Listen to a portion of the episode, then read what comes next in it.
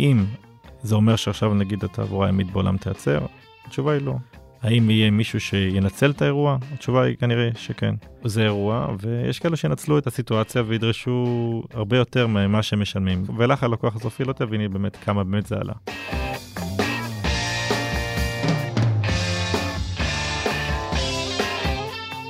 ברוכים הבאים למרקרים, פודקאסט סוף השבוע של דה מרקר, ההזדמנות שלכם לקחת פסק זמן ממחזור החדשות היומיומי ולצלול איתנו לאירועים, לאנשים ובעיקר לרעיונות מאחורי החדשות, כאן באולפן איתכם כבדי שבוע, ענת ג'ורג'י וגיא רולניק. שמענו בפתיח את דוקטור אליקים בן חכון, מהפקולטה למדעי הנתונים בטכניון, ויועץ לענייני ספנות וים לארגון הבריאות העולמי. שלום ענת. שלום גיא, אני רוצה לספר לך שהגעתי לפה מבני ברק, ויכולתי לעשות את זה ברגל, זה היה לוקח פחות או יותר את אותו הזמן. זה נשמע מאוד מסתורי. אוקיי, בסדר, נדבר על זה אחרי השידור. יכול להיות, okay. אוקיי. יכול להיות. זה לא כזה חשאי, אבל לא משנה. בכל מקרה, אה, אנחנו בשבוע שבו אה, קורים הרבה מאוד דברים, לשם שינוי. וביום שני השבוע אה, בג"ץ ביטל את הביטול של הכנסת לעילת הסבירות, ורציתי לשאול אותך, גיא, אם אתה חושב שההפיכה המשטרית אה, נמוגה מן העולם? לא, ההפיכה המשטרית לצערנו לא נמוגה. אין ספק שיש פה ניצחון גדול, אפשר לדבר על הסיבות אה, שלו, אבל את רואה שכל החבורה שרצתה לדחוף את הדבר הזה עדיין נחושה, ואני רוצה בעיקר... להפנות את תשומת ליבך למי שהודיע אתמול, למעשה זה כבר שלשום, אנחנו מקליטים ביום אה, רביעי בערב, שהפסיקה לא מקובלת עליה, כי לדעתה זו פסיקה שיושבת על אדנים משפטיים ראויים, ואני כמובן מתכוון לאיילת שקד. כן. אני רוצה להזכיר לה שהייתה פה תקופה שאיילת שקד, משום מה, בגלל שקוניונקטורלית היה לה איזה אינטרס רגעי להיות במחנה נגד ביבי, משיקולים פוליטיים ציניים וצרים, אז היה איזה רגע שפה כל האליטה של הצד של מחנה רק לא ביבי חיבקה אותה וראתה בה איזה הבטחה אם uh, היה לי דולר על כל שער בעיתונים שהאישה הזאת קיבלה בעשר שנים האחרונות, מעיתונים גם שמשחקים אותה כאילו שהם בצד הליברלי, אז כנראה הייתי יכול לצאת כבר לפנסיה. ואני רוצה גם להזכיר לך שמי שהלך איתה יד ביד בכל המהלכים האלה, אה, להחליש את בית המשפט העליון הוא נפתלי בנט, שזה עוד אחד שאת רואה בסקרים, שלכאורה אנחנו רואים קריסה במספר המנדטים של נתניהו, אבל הם זולגים מהמנדטים האלה כאילו לבני גנץ, אבל זה רק בגלל שאין ברירה לאנשים, כי באמת הגיע להם ביבי עד לקצה. אבל כאשר אה, בערוץ 12 או 13 בוחרים לשלב בסקרים שלהם דווקא, ומעניין למה דווקא אותם, אבל זה נושא לשיחה אחרת, את בנט ואת יוסי כהן, אז מיד את רואה שלשם הולכים המנדטים. והחבורה הזאת של שקד ובנט ויוסי אה, כהן, אני לא חושב שהעמדות של... יוסי כהן כמובן אין לו עמדות, זה עניין אחר. אבל uh, החבורה הזאת, העמדות שלהם לגבי סוג הפרדת הרשויות וסוג העצמאות של בית המשפט העליון, לא שונות מאלה של חבורת קהלת. נכון, ועדיין אני חושבת, גיא, שזה באמת תלוי איזה קואליציה תהיה פה וכמה באמת uh, דברים יעשו בהסכמה יותר רחבה. פה הייתה קואליציה שבאמת ראתה חלק מאוד מסוים מהציבור והתעלמה מגל ענק של מחאה. אה, שיצא נגד ההפיכה המשטרית, אני לא בטוחה. יפה. אז אני חושב שבטווח הקצר, באמת הסיסמה שאנחנו משתמשים בה בשנה האחרונה היא הסכמה רחבה, הייתה סיסמה רלוונטית, אבל זה לא מספיק. ואני אגיד לך למה. הסיבה שאנחנו מתנגדים ל... לה... ההפיכה השלטונית הזאת היא לא רק בגלל שאין הסכמה רחבה בציבור הזה. נניח שכן הייתה הסכמה יותר רחבה בציבור שמדינת ישראל תחדול להיות דמוקרטיה. אז מה, היינו מקבלים את זה? לא. לא, לא, זה לא היה קורה. למה שזה לא היה קורה? אנחנו רואים בדיוק איך עמדות הציבור זזו בעשור האחרון ימינה בנושאים רבים, וגם אנחנו רואים, דיברנו על זה שבוע שעבר, שהן גם זזות בנושאים מדיניים ימינה מאז שבעה ב... אוקטובר. כלומר, סיסמת ההסכמה הרחבה אינה מתאימה. המחנה המרכז-שמאל, המחנה הליברלי, אה, שצריך עכשיו לקום אחרי ההריסות של 2023, הוא צריך להבין שהמשימה שלו זה לא רק להגיע לשלטון, אלא מה עושים כשמגיעים בשלטון. הוא צריך לעשות כל מאמץ כדי שה... הגעה שלו לשלטון לא תהיה רק כתוצאה מקוניונקטורה של ההלם והפחד של 7 באוקטובר. אנחנו צריכים לעשות פה שינויים הרבה הרבה יותר משמעותיים. וגם, וגם דיברנו בשבוע שעבר שהמוטיבציה לא תהיה רק להחליף את ביבי, אלא באמת לחשוב על היום שאחרי שהוא. זאת אומרת, זה עניין הרבה יותר מורכב והרבה יותר רחב. יפה, בדיוק. המוטיבציה היא לא להחליף את ביבי, אלא המוטיבציה היא להחליף את הדעות והרעיונות שהיכו שורש פה בציבור הישראלי בעשורים האחרונים, באמצעות מערכת החינוך, ובאמצעות ערוץ 14, ובאמצעות הרשתות החברתיות, ובאמצעות ההשתעבדות של ערוצים 12 ו-13 לרייטינג שמבוסס על קליק בייטים של לאומנות, ימניות ו- ו- ושקרים.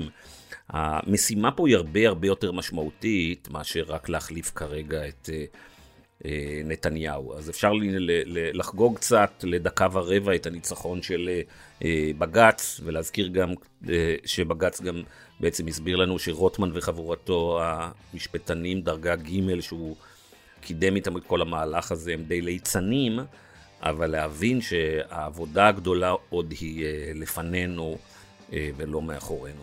אני רוצה לקחת אותך לנושא של הפודקאסט שלנו היום. בערך באמצע נובמבר, אה, כאילו שלא היו לנו מספיק אה, חזיתות, הצטרף עוד גורם אה, למלחמה, אה, והוא החות'ים, וזה בים. הספינה הראשונה בעצם אה, שהותקפה על, אה, על ידי מיליציית הטרור הזאת, שהיא, שהיא לא מיליציה קטנה, יש בה אה, מאות אלפי לוחמים, הייתה הגלקסי לידר, אה, אונייה ששייכת לחברה בריטית בבעלות אה, רמי אונגר. ובימים שלאחר מכן המשיכו ההתקפות, ואתה רואה שהמוטיבציה של החות'ים לבצע פיגועים אה, באוניות מסע, בלב הים, הולכת וגוברת, וגם אם היא לא מצליחה להטביע אותם, זה מייצר אה, איום ומשבש את ההובלה הימית אה, בעולם, שאחראית בעצם אה, להעברת סחורות בהיקפים עצומים אה, ממדינה למדינה. כן, אז מיד יהיו איתנו שני האורחים באולפן, המומחים לנושא. הראשון הוא דוקטור אה, אליקים בן אה, חכון, שהוא מהפקולטה למדעי הנתונים בטכניון. הוא יועץ לענייני ספנות וים לארגון הבריאות העולמי, ואיתו גם יגאל אה, מאור, שהיה גם רב חובל, שמכיר את הימים מקרוב, וגם מנכ"ל רשות הספנות והנמלים. אז אנחנו מתחילים מיד.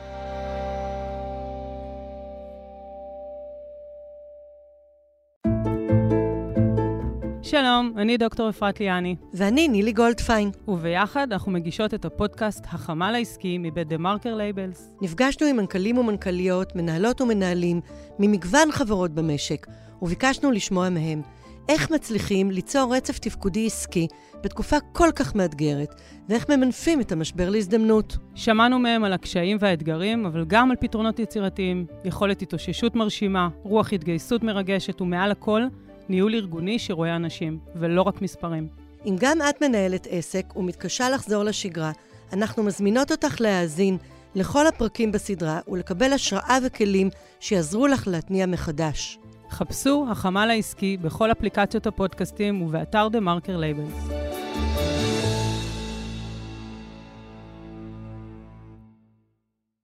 שלום אליקים. שלום. שלום אליקים. תודה רבה שהזמנתם אותי.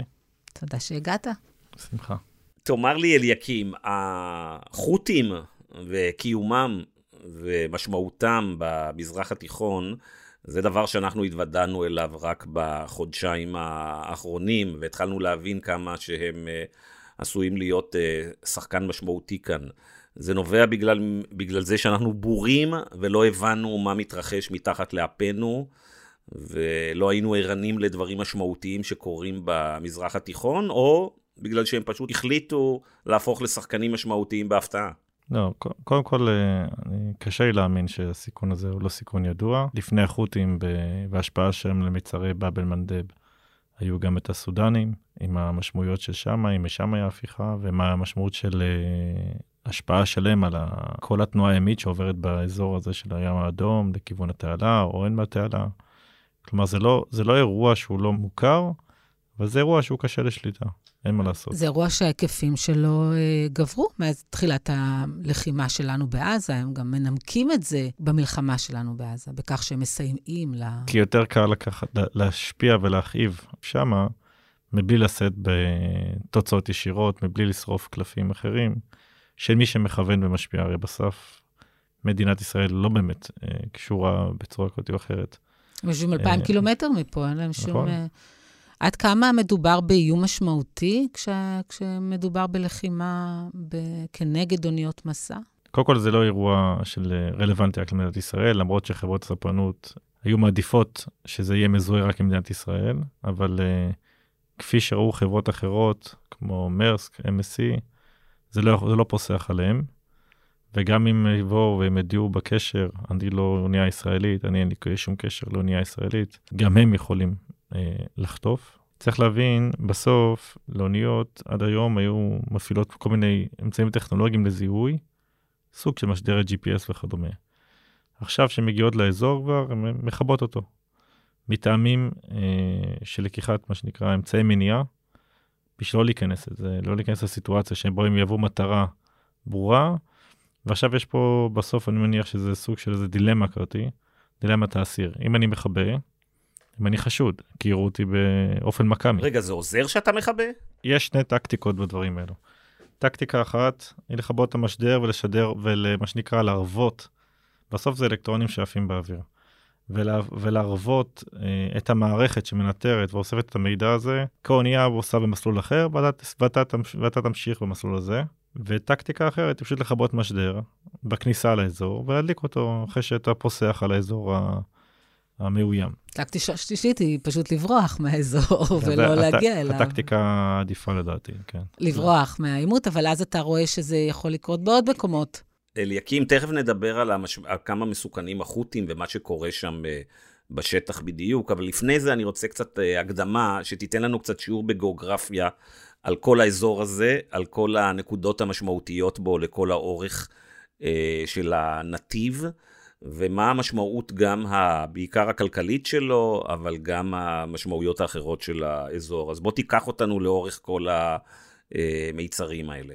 אוקיי, okay. בגדול, יש uh, שני תעלות עיקריות בעולם, תעלת סואץ ותעלת uh, פנמה, אבל uh, שני התעלות האלו הם בסוף uh, סוג של uh, מניע, מנוע כלכלי, שהוא מנוע כלכלי אזורי, לא רק למדינות השוכנות בצמוד לתעלה, אלא גם מי שמושפע מהם בדרך אל ומה. במקרה נגיד של סואץ, אז ברור מן הסתם שזה בין אירופה, uh, מדינות הלבנט, מדינות הים התיכון. Uh, בפנמה זה מן הסתם זה כל הצפון אמריקה, דרום אמריקה, כל מה שקשור uh, לצד המזרחי, מה שאפשר. עכשיו אם, אם, אם קצת נלך טיפה אחורה, לפני עידן המכולה. רוב המרכזי הייצור בעולם זה ארה"ב ואירופה, ולכן הסחר העולמי העיקרי זה הסחר הטרנס-אטלנטי. עם התקדמות הטכנולוגיה, האוטומציה, ובסוף אפשר לקרוא לזה גם תנאי העבודה שנדרשו על ידי העובדים, בשביל להפחית את העלויות הייצור והפתיחה של המזרח למערב, מרכזי הסחר לאט לאט במרכזי הייצור עוברים למזרח. מרכז הסחר מתחיל אה, להתהוות כמרכז סחר יותר גדול, הטרנס-פסיפיק.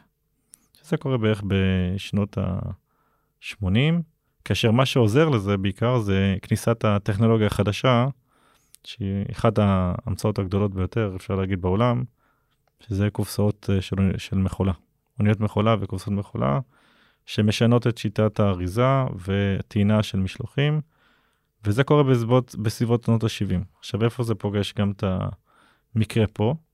אם אני רוצה לחבר רגע בין כל הנקודות האלו, אה, אז לא היה. כלומר, התעלה כבר הייתה סגורה. התעלה הייתה סגורה, מי שזוכר, בשנות 1967, ממש עם uh, תחילת uh, מלחמת ששת הימים, ועד 1975, אחרי שנגמר גם מלחמת יום כיפור, היו שם בערך צי של 14 אוניות, שנתקע שם, וגם כשהוא בא ומה שנקרא, uh, רצה להסתובב ולחזור אחריו, אז המצרים, בשביל לחסום את הצי הישראלי, בשביל לעבור שם, שפכו פסולת, uh, לחסום את המעבר של האוניות. ולמעשה יצרו מצב שתעלת סואץ הייתה חסומה למספר שנים מאוד מאוד רב. המצב היום, שלמעשה תעלת סואץ בעיקר היום מאפשרת שגשוג כלכלי למערב, כי רוב הסחר, רוב מרכזי ייצור נמצאים במזרח, למעשה היא מקשרת בין אה, מדינות אה, המזרח לבין צפון אירופה, אירופה וכדומה. עדיין אפשר לבצע, זה לא שאין אה, אלטרנטיבה, אפשר מה שנקרא לבצע את את מעקף אפריקה דרך כף התקווה הטובה, אבל יש לזה משמעויות, יש לזה, זו תוספת של כמעט 4,300 אה, אה, מייל ימי, יש לזה עלויות של דלק, עלויות של... אה, של זמן גם. של זמן, זה בסוף בין שלושה לארבע שבועות אה, בים. ובסוף גם צריך לזכור, גם נמלים באפריקה לא בנויים באמת לקלוט את כל המסה הזאת, חייב שתגיע אליהם. אני רוצה רגע, אתה מתאר פה באמת, אה, אה, החל משנות ה-80 ומשנות ה-90, אה, מצב שבו אוניות שטות בעולם, יש להן אה, שתי תעלות שדרכן הן אה, עוברות, והכול בסדר פחות או יותר. אבל לאורך השנים היו לא מעט התקפות על אוניות מסע. אה, גם אה, פיראטים, ולא רק אה, מתקפות טרור, או לא רק טרור לאומי. ואני רוצה לשאול אותך אם האוניות מסוגלות או פיתחו לאורך השנים אמצעים שיכולים לסייע להם להתמודד עם אותן מתקפות. טוב, קודם כל זה לא איום ייחוס של אה, בעל אה, אונייה או חברת ספנות מתייחסת אליה. מבחינתם הפלגה במים הכלכליים או בכלל בים הפתוח, זה משהו שהוא לגיטימי. זה לא, נגמרו התקופות של הפיראטים וכדומה. היו תקופות נקודתיות, שבאמת היה באזור מפרץ עדן, תקופות של פיראטים סומלים וכדומה, וזה באמת... אה, מה זה תקופות? זה בעשור האחרון, היו לא מעט מקרים. כן, אבל נוצר לזה גם כוח אה, רב-לאומי, אה, רב-משימתי, שנתן לזה מענה. באמת, וכמות התקיפות הלכה דעכה. הדרך של התעשייה הייתה להתמודד עם האירוע הזה, זה להגביר את הביטוח למי שבחר עדיין להפליג באזורים האלו. מה שעשו רוב החברות הספנות בשביל לא להיכנס בכלל לאזורים האלו שהם נקראים high risk area, פשוט בחרו או לעקוף את האזור הזה, כלומר להאריך את משך ההפלגה ב-high seas, בים הפתוח, או בכלל לא להיכנס בכלל לאזור הזה באופן החלטתי. ואז מגיעים החות'ים. נכון. אה, שיש להם טילים איראנים, ויש להם כטב"מים, ויש להם מסוקים שאפשר... אה, והם לא מצליחים להטביע את האוניות. אני חושבת שאונייה היא מטרה לא פשוטה, גם כי היא לא נייחת בעצם, היא ניידת. אתה לא, לא כל כך מהר מטביע אותה. קשה מאוד. קשה מאוד להטביע אותה, ועדיין אתה רואה היום מצב שבו הן לא מסוגלות לתת, האוניות לא מסוגלות לתת מענה למתקפה הזאת. ישראל תלויה באופן מוחלט בהובלה הימית, 98% מהסחורה שלנו מגיעה דרך הים. עד כמה יש פה איום אמיתי, ובעולם אני חושבת שזה 80 נכון? זאת אומרת, העולם כולו תלוי בהובלה ימית. עד כמה יש פה איום אמיתי, מוחשי, על ההובלה הימית בעולם. באמת הלוגיסטיקה הזאת, שנקראת שרשרת האספקה, בוט הובלה ימית עובדת, בדי היום זה מה שנקרא היה מעשה קסמים. אף אחד באמת לא התייחס אליו, מי שרצה, הזמין, קיבל את המוצר אצלו. האם זה אומר שעכשיו נגיד התעבורה הימית בעולם תיעצר? התשובה היא לא. יהיה, יהיה יחזור להיות מה שהיה בתקופות אה, קשות לא פחות. יש שיירות, התנועה של אוניות מובטחת בלבוש שיירות. האם יהיה מישהו שינצל את האירוע? התשובה היא כנראה שכן. כי בסוף יש דבר שבכלכלה נקרא ציפיות אדפטיביות. שאני יודע שעכשיו, עקב איומים, הפרמיה של הביטוח עלתה, אני מצפה מן הסתם שבעל האונייה או החברת הספנות תגלגל בצורה כזאת או אחרת את העלויות. האם היא מגלגלת את העלויות אחד לאחד? התשובה היא גם לא.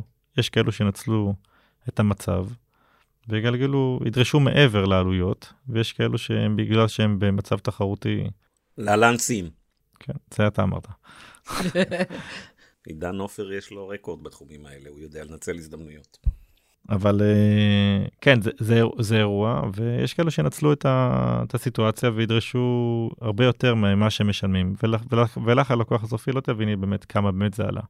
עכשיו, זה קורה בכל דבר, זה קורה בכל היטל שבסוף אה, נוצר, בסוף הלקוח הסופי מעניין אותו מה העלות הסופית התוספת, וגם אני אגיד בכנות, יש פה משחק גם לחברות הספנות. מה הכוונה? אה, הרי בסוף בחישובי אה, אה, עלויות של הביטוחים, סתם דוגמה, זה עלה בערך ב-400 אחוז באזור של הים האדום, בישראל זה עלה פי שתיים. אז לפני שנצלול, וגיא בטח יהיו לו הרבה שאלות על העניין הכלכלי, אני רוצה אבל להתעכב רגע על, ה, על השאלה שלי, כי אני התכוונתי אה, עד כמה זה מסכן, עד כמה זה יכול להטביע אוניות, עד כמה זה יכול לפתוח באמת זירת מלחמה נוספת. אה, אם אתה מבין שהאיראנים מעורבים בזה, אז זה יכול להיות כבר יותר מסוכן.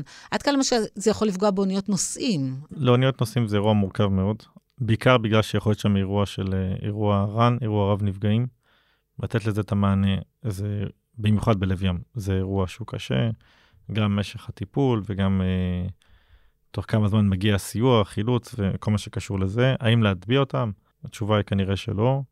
אבל עוד פעם, זה תלוי באיזה סוג אמל"ח גם פוגע בהם, אבל אם אני אתה אומר, זה יכול להסלים למצב של אה, מלחמה, אה, הזירה הימית, שהיא כרגע יותר אולי פוגעת כלכלית, ויש חברות שזה סייע להן כלכלית, אבל אתה אומר, זה יכול להסלים גם למצב של לחימה, תלוי באיזה אונייה הם יפגעו ומה יהיה הנזק. בוא, בוא נגיד ככה, זה תלוי גם באונייה וגם בסוג המטען שיש עליה. אם נגיד הפגיעה היא תהיה בירכתיים באזור המנוע, זה יכול להגיע למצב שבאמת שזה אירוע מסכן אה, לאונייה, אם לא יהיה אה, פעילות... גם אה, בגשר הפיקוד, לא? אתה... בגשר הפיקוד, זה נכון, זה ייאמר בפגיעות בנפש, אבל אה, זה לא אירוע שמסכן את, ה, את הפעילות של האונייה ברמה של אה, תביעה. אבל ברגע שאת פוגעת במנוע האונייה, אז למעשה משאבות מפסיקות לעבוד. אה, אם לא נתן לזה מענה מאוד מהיר לסגירת אה, מדורים, למניעת כניסת מים וכדומה, זה גם יכול להיות אה, בעיה אחרת של יציאת משיווי משקל של האונייה וכל מה שקשור לדבר הזה. זה גם תלוי גם במטען שהאונייה לוקחת, בסדר? נגיד יש מטען שהוא חומס, ואז נגיד, דוגמה, פגיעה בו תיצור תגובת שרשרת, אוקיי? ואז למעשה זה כבר הופך להיות אירוע אחר. וזה אירוע אחר שגם יכול להיות גם אירוע סביבתי גם, גם את זה צריך להכיר. הסיכונים פה עולים. אליקים, מה רוצים החות'ים ומי מושך בחות'ים? גיא, אתה יודע מה הלוגו של החות'ים? דרך אגב, הוא אחד הלוגוים הכי מכוערים אה, שמישהו עשה, אבל אתה יודע מה, מה כתוב על הלוגו שלהם? לסלוגן את מתכוונת. אוקיי, אתה יודע מה כתוב שם? למען חופש, חירות ושוויון. כמעט. אללה הוא הגדול מכל, מוות לאמריקה, מוות לישראל, קללה ליהודים, והאסלאם ינצח. נראה לי שיש פה הצהרת כוונות די ברורה. אז עכשיו נחזור לשאלה של גיא, ומה בעצם המוטיבציה אני שלה. מופתע, אני מופתע מהלוגו. בסוף, כל התקריות האלו, גם באזור הים האדום וגם בתקרית האחרונה של אה, אוקיינוס ההודי, שבו כנראה איראן היא זאת שירתה את הכטב"ם קמיקזה הזה, זה הדרך להזכיר לכולם שמה שקורה בישראל מול השכנים שלה לא ייגמר ויישאר בישראל מול השכנים שלה. בסוף זה אה, משהו שישפיע לכולם, והמטרה היא להפעיל מנופי של לחץ. עכשיו, המנוף, המנוף של לחץ יכול לבוא מסיבה של אה, האם להקל על ה... או לבוא לסיום המלחמה בין אה, ישראל לעזה, או לחילופין, האם להגיע, להגיע למצב שבו לא צריך להביא למצב של שריפה של קלף לא פחות חשוב, שזה חיזבאללה ו... ומול ישראל, כי בסוף איראן מסתכלת על זה, אפשר להגיד, בסוג משחק של אה, שחמט. וברגע שאתה מוריד את הפרוקסי בצורה אחת אחרי השנייה, אתה מקבל סיטואציה שבו, אוקיי, מה נשאר? אין הרבה מנופי לחץ. הדברים היותר מעניינים, אם כבר אה, מסתכלים על זה, זה התקיפה שמהחות'ים עד לישראל. ופה אני מדבר פה לא בכובע אה, צבאי, סתם כאזרח מסתכל מהצד. אתה רואה סיטואציה שבו המחקים הם מחקים מאוד דומים. ואתה יכול להבין איך מערכות ההגנה עובדות, אתה יכול להבין הרבה דברים. אה, וזה גם דרך שלהם לבדוק, לחוש. בעצם, אליקים, בלי ארצות הברית אנחנו לא מסוגלים להתמודד בכלל עם האירוע נכון. הם הקימו כן. את מה שנקרא אה, שומר השגשוג, שזה בעצם כוח רב-לאומי שאמור להגן על האוניות האלה, רק שמצרים וערב הסעודית, לדעתי, אה, לא נכנסות לאירוע. כל אחד שואל את עצמו מה האינטרסים. אבל מצרים, דרך אגב, היא אחת הנפגעות העיקריות, כי... 2% מהתמ"ג שלהם מושפע מהמעבר. מגיע מתעלת סואץ. כן, מכיר. אבל צריך להבין בסוף משהו. בסוף, גם למדינות אחרות שמושפעות באופן ישיר, מסתכלות כרגע, אה, האם אני רוצה להיכנס לאירוע הזה, יש אה, לחץ מהבית, ואם אני אהיה מזוהה, נבחר צד, ואני בהכרח, לא בהכרח קשור לאירוע הזה. אם הם יוצאים נגד החות'ים, הם כאילו, הם כאילו תומכים בלחימה של ישראל? כן, לכאורה, כאילו בחרו זה... צד. ואז אומרים, רגע, אני לא בחרתי צד, אני לא קשור לא, לאופריישן הזה. כי באופן מוצהר, החות'ים טוענים שהם לא תוקפים את כל, את כל האוניות, הם תוקפים רק אוניות ישראליות. אבל שוב, צריך להגיד שיש פה באמת אה, אה, מרחב רחב לטעויות, והם יכולים בטעות, דרך אגב, גם לפגוע באונייה איראנית או סינית לצורך העניין. כן, בגלל זה היה, הים זה המערב הפרוע החדש. ועוד הגבול האווירי סגור מסוגר ומנוטר בצורה טובה, והגבול היבשתי אה, אותו דבר. הים זה כבר אירוע יותר מורכב. אה, יש אנשים טובים בזרוע הים, אני יכול להגיד לך שעוסקים בזה יום ולילה. מה בעצם הפתרונות שיכולים להיות? מול החות'ים זה קואליציה. ארה"ב המשימה יודעת לבצע לבד. העניין בקואליציה זה ארה"ב מבינה שיש לה אה, רצף אירועים מאוד גדול, ולא מנותק אחד מהשני, צריך גם את זה לזכור. בין אה, אוקראינה לרוסיה ומה שקורה שם, בין עכשיו אה, אוקיינוס ההודי, שזה אירוע בפני עצמו, וכל מה שקשור. שסין מרוויחה ממנו קצת, לא? לא, זה הדרך של סין להראות להם שהיא גם, גם פה יודעת לשבש, אוקיי? ובסוף מיצרי הורמוז זה נתיב האנרגיה הראשי להרבה מדינות, וגם את זה צריך להשקיע גם בזה כוח. אז השאלה בסוף, בסוף כמה משאבים יש וכמה אפשר לחלק, וגם לפני אה, בערך כשבועיים, שלושה, גם אפילו ונצואלה הרימה ראש, וגם, וגם היא תדרוש, מה שנקרא, בסוף משאבים להכלה של האירועים שלה. אז הדרך לארה"ב למה שנקרא, לא לייצר סיטואציה בה מפוסקת ומושכת את עצמה בכמות משאבים אינסופית, היא ליצור קואליציה. וקואליציה בסוף זה מפגש אינטרסים, והיה מלא באינטרסים. עכשיו, יש מדינות שנפגעו ועדיין בוחרות לא להיכנס לקואליציה, כמו שציינתם, מאותה סיטואציה ומאותה סיבה שאומרות, אוקיי. סיבות פוליטיות. נכון, וגם בסוף זה ייעשה. תן לנו קצת דוגמה דווקא, הדנים, שיש להם את אה, חברת מרסק, שזה חברת הספנות, אה, אחת מהשלוש הגדולות בעולם. אה, איפה הם מוצאים את עצמם בסיטואציה הזאת? הרי הדנים לכאורה זה אנשים חפים מכל... Yeah, זה מה שהם חשבו גם, דרך אגב. זה מה שהם חשבו. אנחנו, הדנים, למי בעולם יש משהו נגד הדנים? הם הודיעו שהם לא ישוטו באזור יותר, שהם לא נכון. לא יפליגו באזור הם יותר. עשו, הם עשו מיסקלקולציה ברמה מאוד uh, אקוטית. תקופה מאוד קצרה לאחר שהם הודיעו שהם ימשיכו וימשיכו כרגיל, חטפו ישירות, ועכשיו הם למעשה הפכו את ההחלטה שלהם אה, בעוד משהו יום למחרת. תסביר רגע, מה האינטרס של החות'ים שהם מכוונים כלפי אוניות אה, דניות, אוקיי? מה הם חושבים שהם משיגים בטווח הקצר ובטווח הארוך, הם ואלה, שמושכים, אה, ואלה שמממנים אותם? מנופי לחץ. רק צריך להבין משהו אחד, בסוף בים בגלל היקף הסחורות, בגלל שוויים, בגלל האינטרסים בין מדינות, יש פה מנופי לחץ. המנופי לחץ האלו הם מפגשי אינטרסים, שממש קשרים כלכליים בין מדינות בסוף. אה, נמל הוא גטווי, מה שנקרא, הוא, הוא צוהר לתרבויות, צוהר לנמלים, וגם חברת הספנות היא דרך, למה שנקרא, לייצר קשרים כלכליים בין, בין מדינות. אתה יודע, לי יש תחושה שהחות'ים אה, בעצם מנסים לשבש את הפעילות הימית, אבל אין שם באמת יכולת לגרום נזק משמעותי. כן, אבל זה לא, זה לא רק עניין של להטביע אונייה, זה עניין של אה, להציק. ועניין של אפילו לשבש פעילות כלכלית. נכון, okay? זה מה אוקיי? שאני אומרת, שזה בס... בעצם, היכולת למשל להשתלט על אונייה היא מוגבלת. כן, אבל ברגע שזה קורה, זה אירוע. אם היא לא שידרה אותות מצוקה בזמן, וזה נעשה בהפתעה, אפשר גם לקחת אונייה בלי שמישהו יודע שהאונייה הזאת נחטפה, זה קרה בלב ים, ולעשות בה מה שנקרא שימוש כסוס טרוניאני, זה אופציה. אבל uh, אם תסתכלי על האירוע, נמל עקבה, נמל אה, אילת, כרגע סובלים מהסיטואציה. האופציה היחידה לקבל סחורה שהיא לא מגיעה מהמזרח. לא, היא... נכון, יש לזה בעצם את ההשלכות הכלכליות של... אה, נכון. איפה עומדים הסעודים בכל האירוע הזה? שאלה מאוד מעניינת. יש להם מלחמה ארוכת טווח, כבר שמונה שנים הם נלחמים בחות'ים. אבל אז השאלה אם אתה מזדהה עם האירוע כאירוע ישראלי, או שזה אירוע שלך. זהו, אני מניח שהם אה, עוזרים בידע, מה שצריך.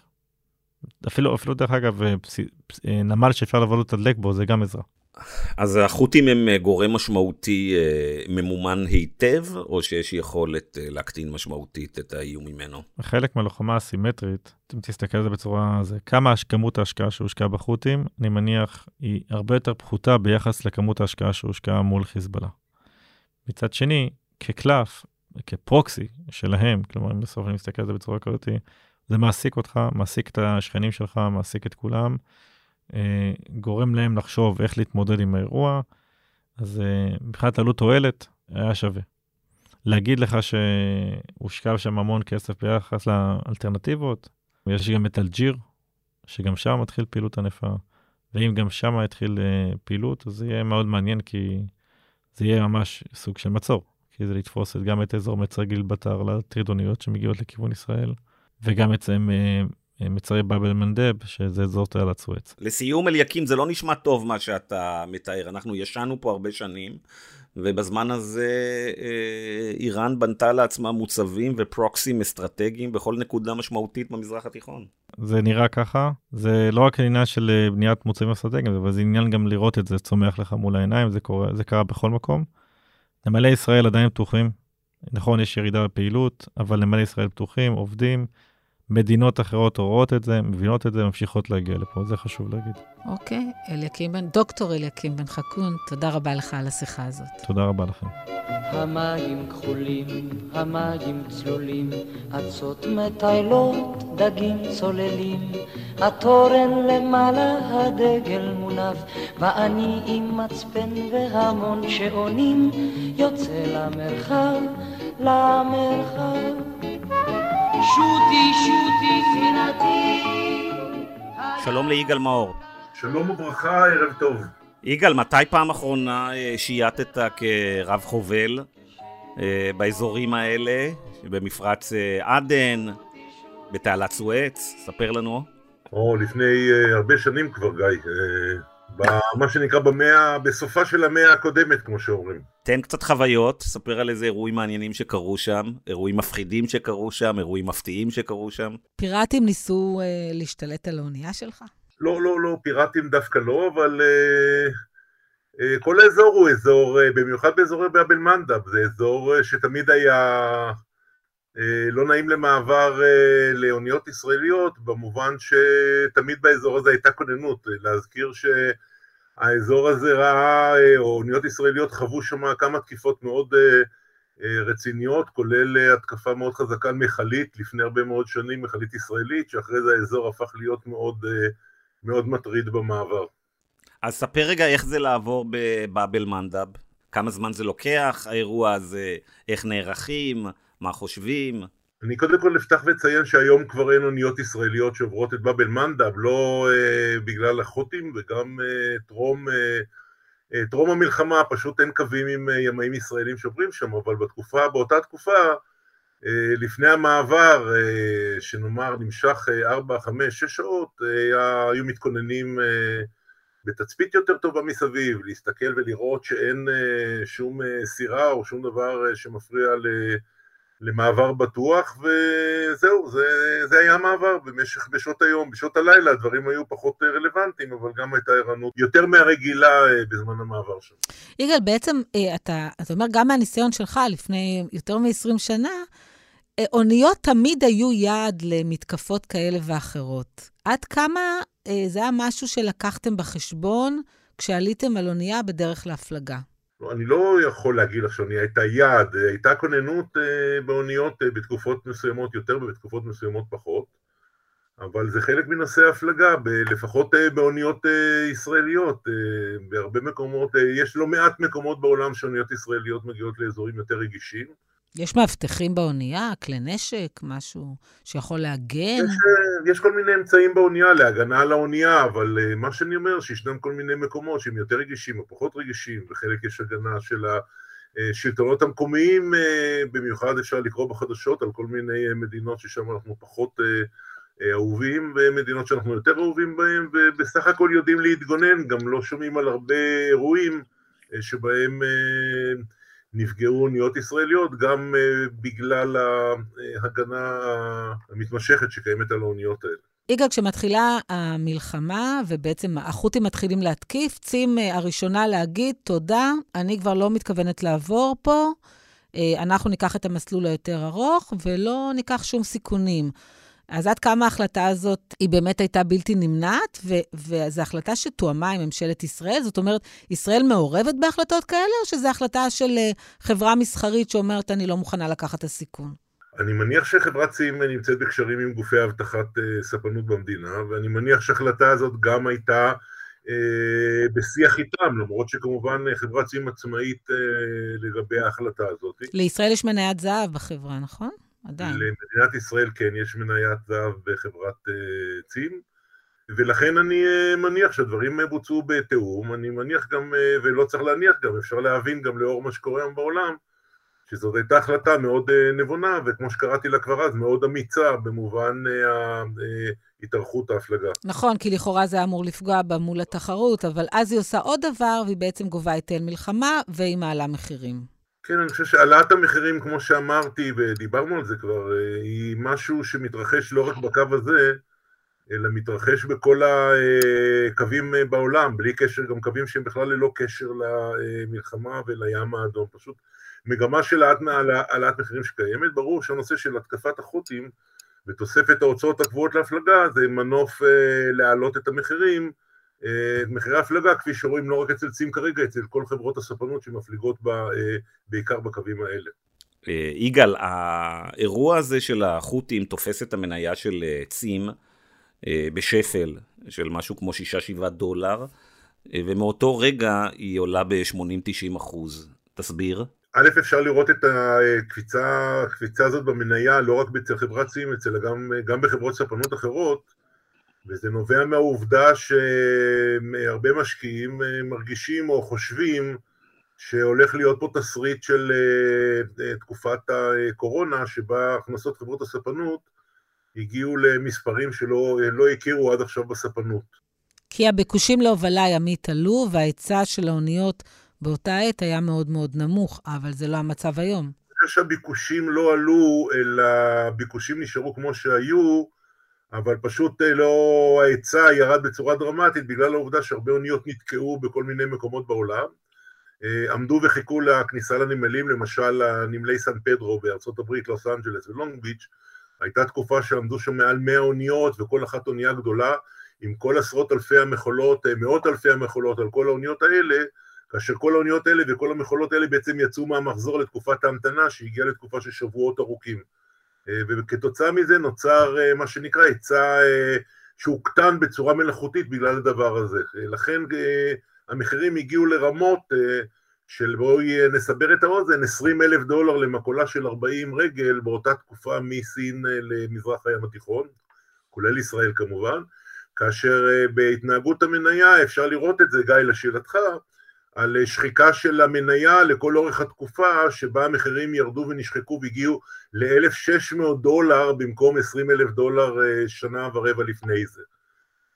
מתחילה המלחמה עם החות'ים, אני חושב שאנשים מבינים את נושא העקיפה שעלול ליצור עוד פעם מחסור מלאכותי בהיצע יותר, ולכן אה, הסנטימנט אה, הוא אה, לרכוש את המניה הזאת, בתקווה שנראה עוד פעם את כן. התסריט של תקופת הקורונה. טוב, ויגאל, מה המשמעויות הכלכליות ל- לישראל? מתי נשמע את היבואנים מתחילים אה, אה, לצרוח ולהגיד שחייבים לפתור את מה שקורה בים, שזה עושה disruption משמעותי לפעילות הכלכלית? אז א', גיא, אה, היבואנים כבר התחילו לצרוח, למרות שכמו שאמרת את זה נכון, עוד לא הגיעה עת הצריכה, עת הצריכה תגיע מאוחר יותר, כי... אה, אנחנו מדברים על מכולות שעולות בימים האלה, בשבועות האלה עולות על האוניות באסיה, ועם תוספת המסלול אנחנו מדברים על הגעה של מכולות בתעריפים החדשים רק באזור תחילת פברואר, אמצע פברואר, ורק מאז מתחילים, אה, אפשר לדבר על התייקרות של אותם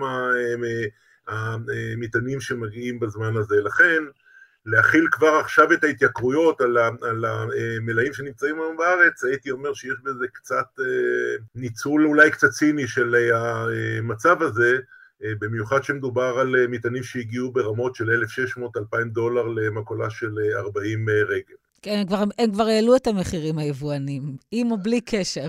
בוודאי, וגם כאשר אנחנו בוחנים את המוצרים, אנחנו רואים שחלק ניכר, בלי להיכנס לשם של יבואן או למוצרים מסוימים, אנחנו רואים שחלק לא מבוטל מהמוצרים האלה מקורם בים התיכון או באירופה או בארצות הברית, אה, בשעה שאין שום אה, מגבלה להפלגה מאירופה ומארצות הברית וממדינות כמו טורקיה למדינת ישראל. אה, אבל צריך להסתכל על זה גם בעוד צורה, בשני, בשני מובנים. במובן הראשון, שצריך באמת לבחון מה תוספת ההוצאות הקבועות האמיתית בספנות, לראות א', כמה באמת מועמס על חברות הספנות, אבל הדבר הזה הוא פחות רלוונטי כי לעולם לא היה קשר בין דמי הובלה לבין. אה, עלות התא או ההוצאות הקבועות של האוניות. אה, אה, אם החברות הספנות היו יכולות תמיד לקבל את הפיצוי המלא על ההוצאות הקבועות שלהם, לעולם גם לא היו נגרמים להם הפסדים. אפשר להבין שחברת ספנות מפסידה כשהיא לא מכסה את ההוצאות הנוספות שלה. לכן א', זאת נקודה אחת שאני לא רוצה להתייחס אליה, אבל מה שכן זה לבדוק בכל מכולה שהמחיר שלה מתייקר מהמחירים הנוכחיים אה, מחיר המכולה מתייקר מ-2,000 ונניח עד ל-7,000 דולר, תוספת של 5,000 דולר למכולה, אה, לבחון אה, מה ההשפעה של המוצר, הפריט הבודד בתוך המכולה. וכשאנחנו עושים את הבדיקה הזאת, אנחנו מגלים באמת הפתעות בתוספות די, נקרא לזה במרכאות זניחות למוצר הבודד, כאשר בעצם אנחנו רואים התייקרויות שהן הרבה הרבה יותר גבוהות מהמחיר היחסי לפריט. לדוגמה, מקולה שהתייקרה ב-5,000 דולר עם עשרת אלפים חולצות בתוכה, אנחנו אפשר לעשות את החשבון הזה, הוא מאוד פשוט, של חצי דולר, של שני שקלים תוספת מחיר לחולצה, שנמכרת ב-100, 200, 300 ו-400 שקלים בחנויות, ככה שאפשר להבין שבעצם התוספת הזאת או התייקרות היא לא אמורה להיות כפי שמתארים אותה ברמות של 10 ו-20 ו-30 אחוז, כנ"ל כמובן לשקית של פסטה או למוצר אחר. כן, אבל יגאל, תקן אותי אם טועה, בניגוד לאירוע בקורונה, שבאמת זה היה עניין של אה, אה, ירידה בהיצע ועליות מחירים אה, חדות, כאן, בגלל שצריכים לעקוף דרך כף התקווה הטובה באפריקה, יש שם בעצם אה, עניין מאוד משמעותי של זמנים. אז אני מניח שבמוצרים מסוימים, שיש לך ליד טיים יותר משמעותי ואתה לא צריך להחזיק מלאים, אני מניח ששם זה יוצר בעיה יותר גדולה ממה שהייתה בקורונה. אתה צודק בהחלט, גיא, במובן שהזמן המעבר, הטרנזיט טיים של הסחורה, אה, מהנמל אה, באסיה עד לנמל במזרח הים התיכון, חיפה, אה, מתארך בשלושה שבועות, אבל צריך לזכור שהשלושה שבועות זה רק באונייה הראשונה. יתר האוניות יתחילו להגיע באותם הזמנים, זאת אומרת יש לנו דיליי של עיכוב של שלושה שבועות במסירת אה, תוספת זמן אה, למוצר. נכון שבמוצרים עם חיי מדף קצרים יש לזה השפעה די, די קריטית, אבל אני לא חושב שלמוצרים שמגיעים מאסיה יש עניין של מוצרי מדף, יש כן התייקרות של האשראי, יש התייקרות כמובן של המלאי והצורך בהחזקת מלאים קצת יותר גדולים, שאגב, כבר בתקופת הקורונה ואחריה, היבואנים כבר למדו את הלקח אה, אה, בשל חוסר הסדר בלוחות הזמנים והפתעות אה, בעיכובי אוניות, ולכן כבר מראש המלאים הם כבר לא מלאים של, נקרא לזה במרכאות just in time, אלא מלאים שלוקחים בחשבון כל מיני הפרעות בשרשרת האספקה שלהם. מה יקרה עם כל הישראלים שהתמכרו בעשור האחרון לאלי אקספרס ודומיו? אני חושב ש... איך אומרים, הציפייה מחזקת את האהבה, הם מאוד אה, יקבלו את המוצר באיחור של שבועיים בשמחה הרבה יותר גדולה ממה שהם היו מקבלים אותו אה, לפני זה. בסדר, תוך כדי זה שאנחנו מדברים, אני רואה שגם מרקס וגם הפגלויד הודיעו ב-24 שעות האחרונות, שהם ימשיכו גם בשבועות הקרובים לא לעבור דרך תעלת סואץ, כן. אני חושב שזו תופעה שנראה אותה עוד ל... אני לא רוצה להגיד הרבה זמן, אבל לא, לא, לא לזמן קצר כל כך, נצטרך לדעתי לחיות עם זה.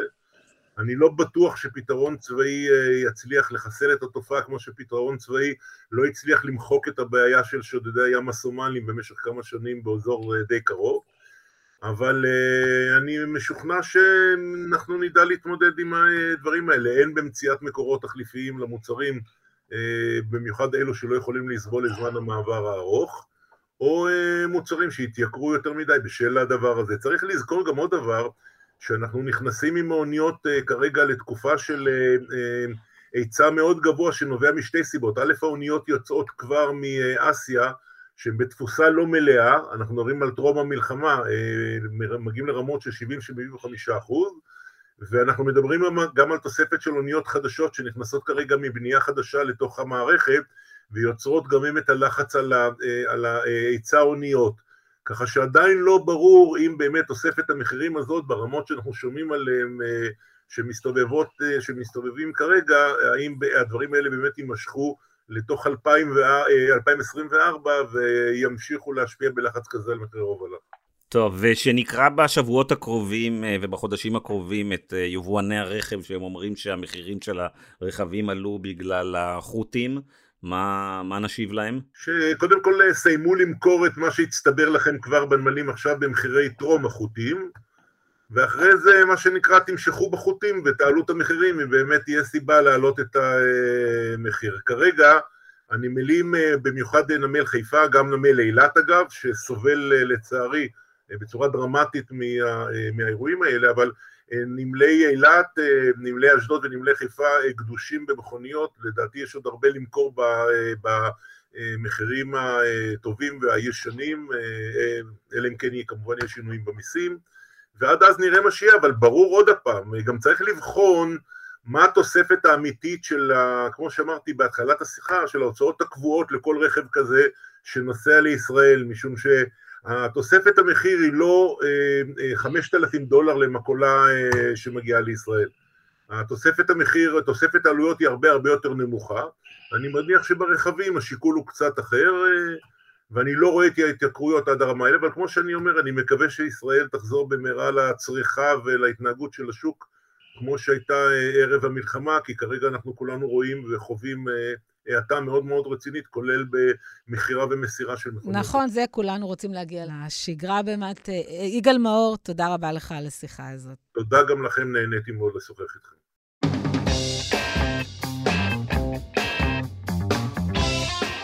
טוב, ענת, כיצד את uh, מסכמת? אני חושבת שיש לנו פה עוד זירה שהולכת ומסלימה, ויכול להיות שלא תפגע בנו אה, ביטחונית או פיזית, אבל אין ספק שאנחנו נרגיש אותה היטב בהכירי את הנפשות הפועלות בכיס שלנו בתוך אה, שבועות ספורים. האמת, ענת, שאני פחות מוטרד מהעניין הכלכלי. היבואנים והמשווקים שלנו, כן, הקרטלים, המונופולים והאוליגופולים, ממילא תמיד ימצאו אה, תירוצים אה, להרים אה, מחירים, ראינו את זה בקורונה, עכשיו זה יחזור, זה לא כל כך קשור לחות'ים, אין רשות תחרות בישראל, אין משרד אוצר, אין אגף תקציבים שמתעניין בדברים האלה, ולכן איש הישר בעיניו יעשה. מה שיותר מטריד כאן הוא ההידרדרות הנוראית במספר גדול כל כך של חזיתות, והמהירות בה הכל נורמל והפך כאילו לחלק מהחיים.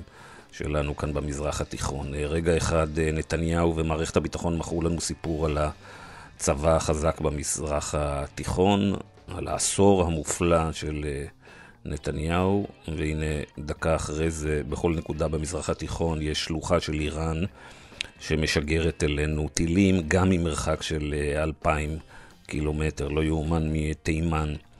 המסקנה מהאירוע הזה היא ברורה, ישראל זקוקה יותר מאי פעם לגיבוי ולשיתוף פעולה בינלאומי של כל מדינות המערב ובראשם אה, ארצות הברית. ומה עושה הממשלה הזאת? אה, פחות או יותר בדיוק הפוך.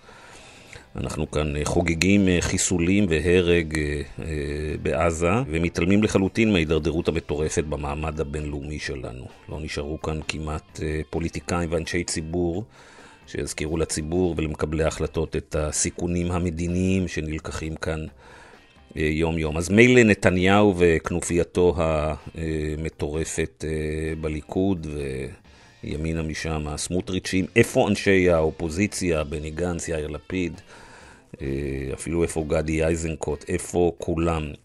אני מקווה שזה הלם זמני והם יתעשתו ממנו בשבועות הקרובים.